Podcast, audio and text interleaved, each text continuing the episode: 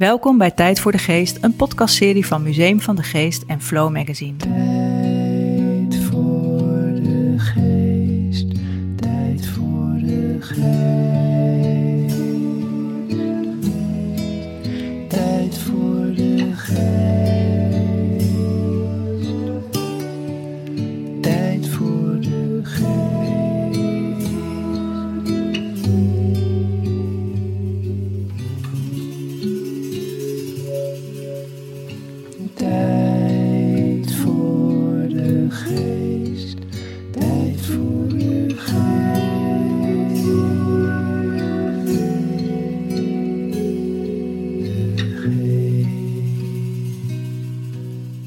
Mijn naam is Karine Hoenderdos. Ik ben journalist en host van de podcast Tijd voor de Geest. In Flow delen we verhalen over andere keuzes maken, over creativiteit, klein geluk, langzamer leven en over hoe je goed voor je geest kunt zorgen. In deze serie Tijd voor de Geest luisterverhalen lees ik er een aantal aan je voor. Dit verhaal heet Een maand lang mediteren en is geschreven door Annemiek Leclerc. Ze wil graag meer helderheid in haar hoofd en is benieuwd of elke ochtend rustig starten op een kussentje haar dat kan brengen. Onrust tijdens het wakker worden in de ochtend, herken je dat? Je hebt je ogen nog niet geopend of alles wat er die dag moet gebeuren stormt op je af als dieren op zoek naar eten. En soms heb je van die kwesties waarbij je in kringetjes loopt en je gedachten en gevoelens verstrikt zijn geraakt als dunne kettingjes in een sieradendoos. Dat kan om van alles gaan. Moet ik die opdracht wel aannemen? Moet ik me beter voorbereiden op de toekomstige arbeidsmarkt? Wordt het tijd om een goedkoper huis te zoeken? En waarom ben ik toch zo op mezelf in een liefdesrelatie? Het is natuurlijk verstandig om terugkerende twijfels onder de loep te nemen, net zoals een juwelier zou doen als hij dat kluwe kettingjes met een tangetje uit elkaar wil krijgen. Maar het is mijn ervaring dat nog harder nadenken soms helemaal niet helpt. Afstand, rust en geduld wel. En aangezien ik die kwaliteiten van nature niet in ruime mate heb, besloot ik dagelijks te gaan mediteren. Ik wilde meer helderheid in mijn hoofd. Clarity, zoals de Engelsen zeggen. Alleen al van dat woord trok er een lichtstraal door mijn lichaam. Bovendien wilde ik ook wel wat minder snel afgeleid zijn. Mindfulness wordt wel een hype genoemd, maar ik vermoed dat we er als samenleving juist nog meer belangstelling voor gaan krijgen. Door de overweldigende stroom informatie is je kunnen blijven concentreren op dat wat voor jou belangrijk is, een van de meest noodzakelijke vaardigheden van deze tijd. Ook daarom leek het me goed mijn hersenen dagelijks rust te gunnen. Ik wist wel al een beetje wat mediteren is. Sinds ik me op de app Headspace abonneerde, deed ik volgens de gegevens 127 meditatiesessies. Dat klinkt indrukwekkend, maar komt neer op nog geen 20 minuten per week. Ik was benieuwd wat het methodisch dagelijks mediteren zou opleveren. Ik begon met de 30-daagse focusmeditatie van Headspace. Met zijn rustgevende stem vroeg oprichter Andy Paddycombe om met aandacht een paar punten in mijn lichaam te volgen. Van enkel naar kruin. Ook in de apps Calm, Inside Timer en op Spotify vind je dit soort ingesproken meditaties. Ik kon uiteraard ook zonder technische hulp gewoon op een kussentje gaan zitten, maar mijn geest was zo onrustig dat het me nodig leek om eerst eens door een stem te worden meegenomen. De Britse, voormalig boeddhistische monnik Paddycombe noemt die focustechniek een vaardige manier om de geest actief bij de meditatie te betrekken voordat hij wegdobbert of verstrikt raakt in alledaagse muizenissen. Het was winter toen ik ging zitten op een zonnig rond kussen en mijn ogen sloot. Dat mijn gedachten meteen als een wervelwind door mijn hoofd trokken, verbaasde me niks.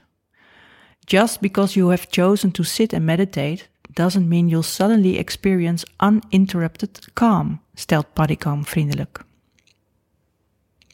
Dit is al winst, dacht ik, toen ik maar op een vroege ochtend in een appartement in Madrid van bewust werd hoe het fladderde in mijn hoofd. Het was vroeg. De ochtendkou trok door de houten deuren en de zon zakte langzaam langs de hoge bakstenen gebouwen naar beneden. Of ik nu met vakantie was of aan het werk, ik merkte dat ik steeds weer werd geplaagd door dezelfde onrustige gedachtes.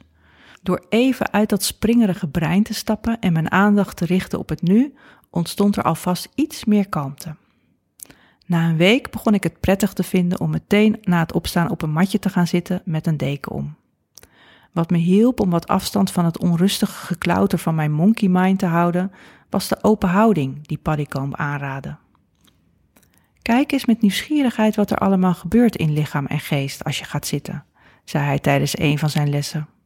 Bekijk de kwaliteit van de sensatie, zonder er te diep op in te gaan of te veel te analyseren. Wat ervaar je? Is er een gevoel van stilte of rusteloosheid in het lichaam, van zwaarte of van lichtheid, van ruimtelijkheid of beperking? Dat kon en kan erg verschillen. De ene ochtend voel ik me een beetje somber, de volgende dag zo tevreden als een dikke kater. Nu ik zie hoe veranderlijk die stemmingen zijn, neem ik ze net iets minder serieus. De mildheid van die blik bevalt me. Gadeslaan zonder ingrijpen. Daar zit wijsheid in.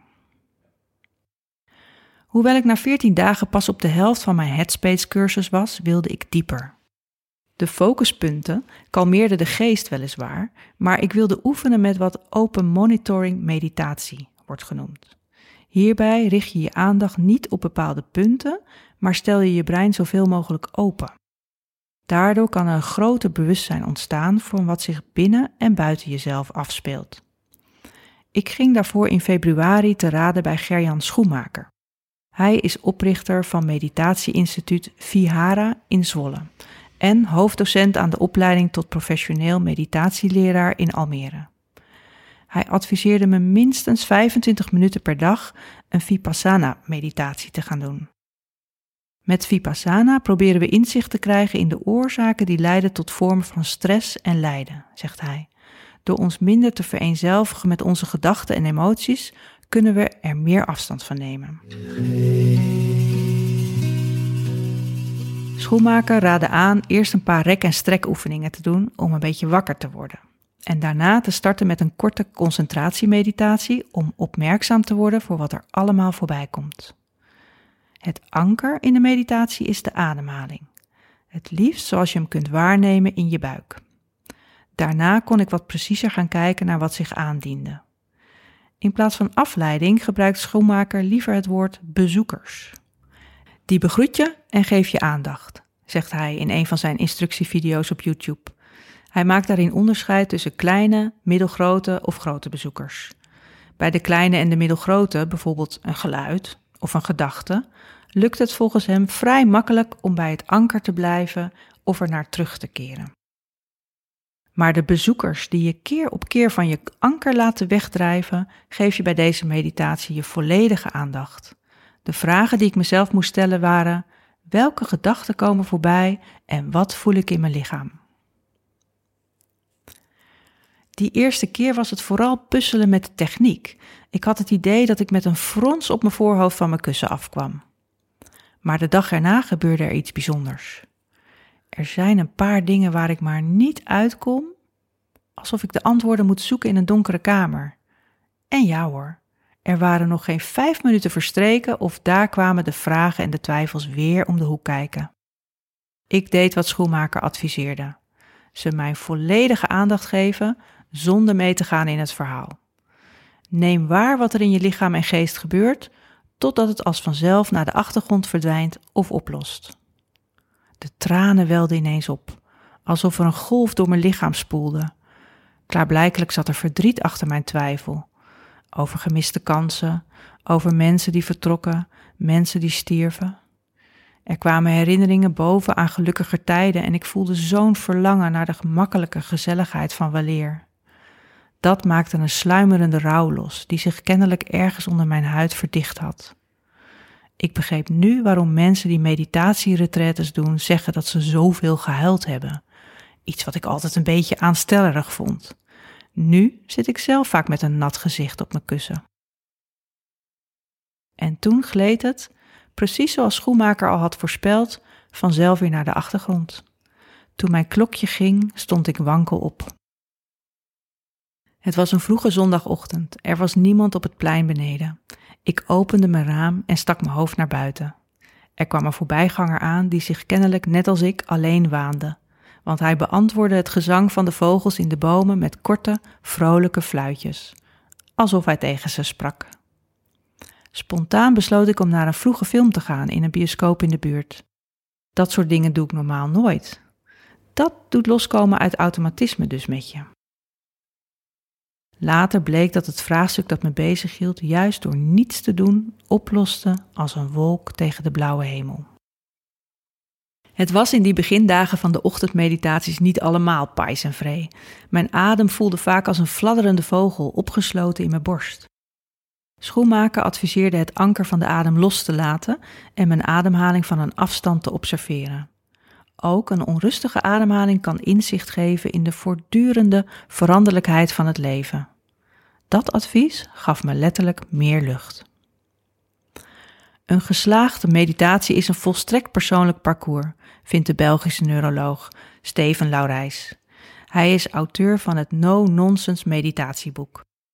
Hou net zo lang vol totdat je een manier vindt die je op het lijf geschreven is. Laurijs doet onderzoek naar het effect van meditatie op de hersenen. Nu het breinonderzoek geavanceerder wordt, is het mogelijk om iets preciezer te kunnen zien hoe meditatie bepaalde hersengebieden versterkt. Zo kunnen mensen die veel mediteren de linker en rechter hersenhelften beter met elkaar verbinden. Een effect dat Laurijs onderzoeksteam ook opmerkte bij de wereldberoemde Franse monnik Mathieu Ricard, in wiens hoofd ze langdurig met scans mochten kijken. Laurijs is door zijn onderzoek een groot pleitbezorger van meditatie geworden. Maar doe het vooral zoals het jou uitkomt, adviseert hij. Er is geen one size fits all.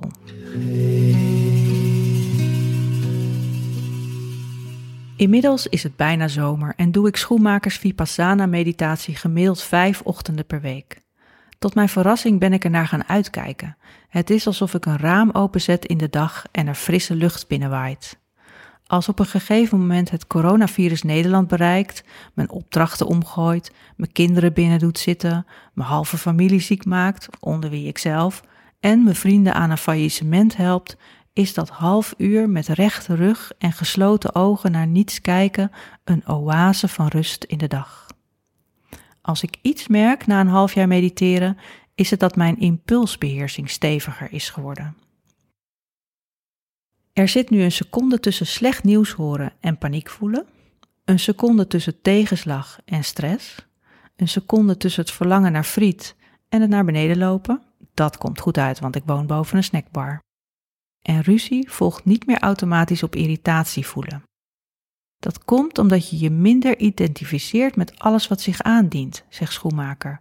Impulsen komen als vanzelf, maar je hoeft er niet als vanzelf in mee te gaan. Het leven wordt tijdlozer door meditatie. Het wordt ruimer dan dit ene moment in de tijd. Een seconde is niet revolutionair, maar wel genoeg om een keuze te kunnen maken voor iets wat net iets beter past. Om net iets kalmer in het leven te staan, met net iets meer clarity.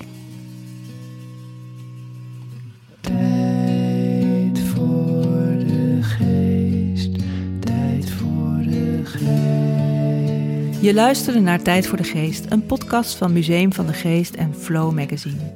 De producer is Jonne Seriese en de tune is van Spinvis. Wil je meer weten over het museum, over deze podcast of over Flow Magazine? Bezoek dan museumvandegeest.nl of flowmagazine.nl. Abonneer je op deze podcast bijvoorbeeld bij iTunes en laat een review achter. Of deel deze podcast met vrienden en familie, zodat zij ook eens tijd maken voor hun geest.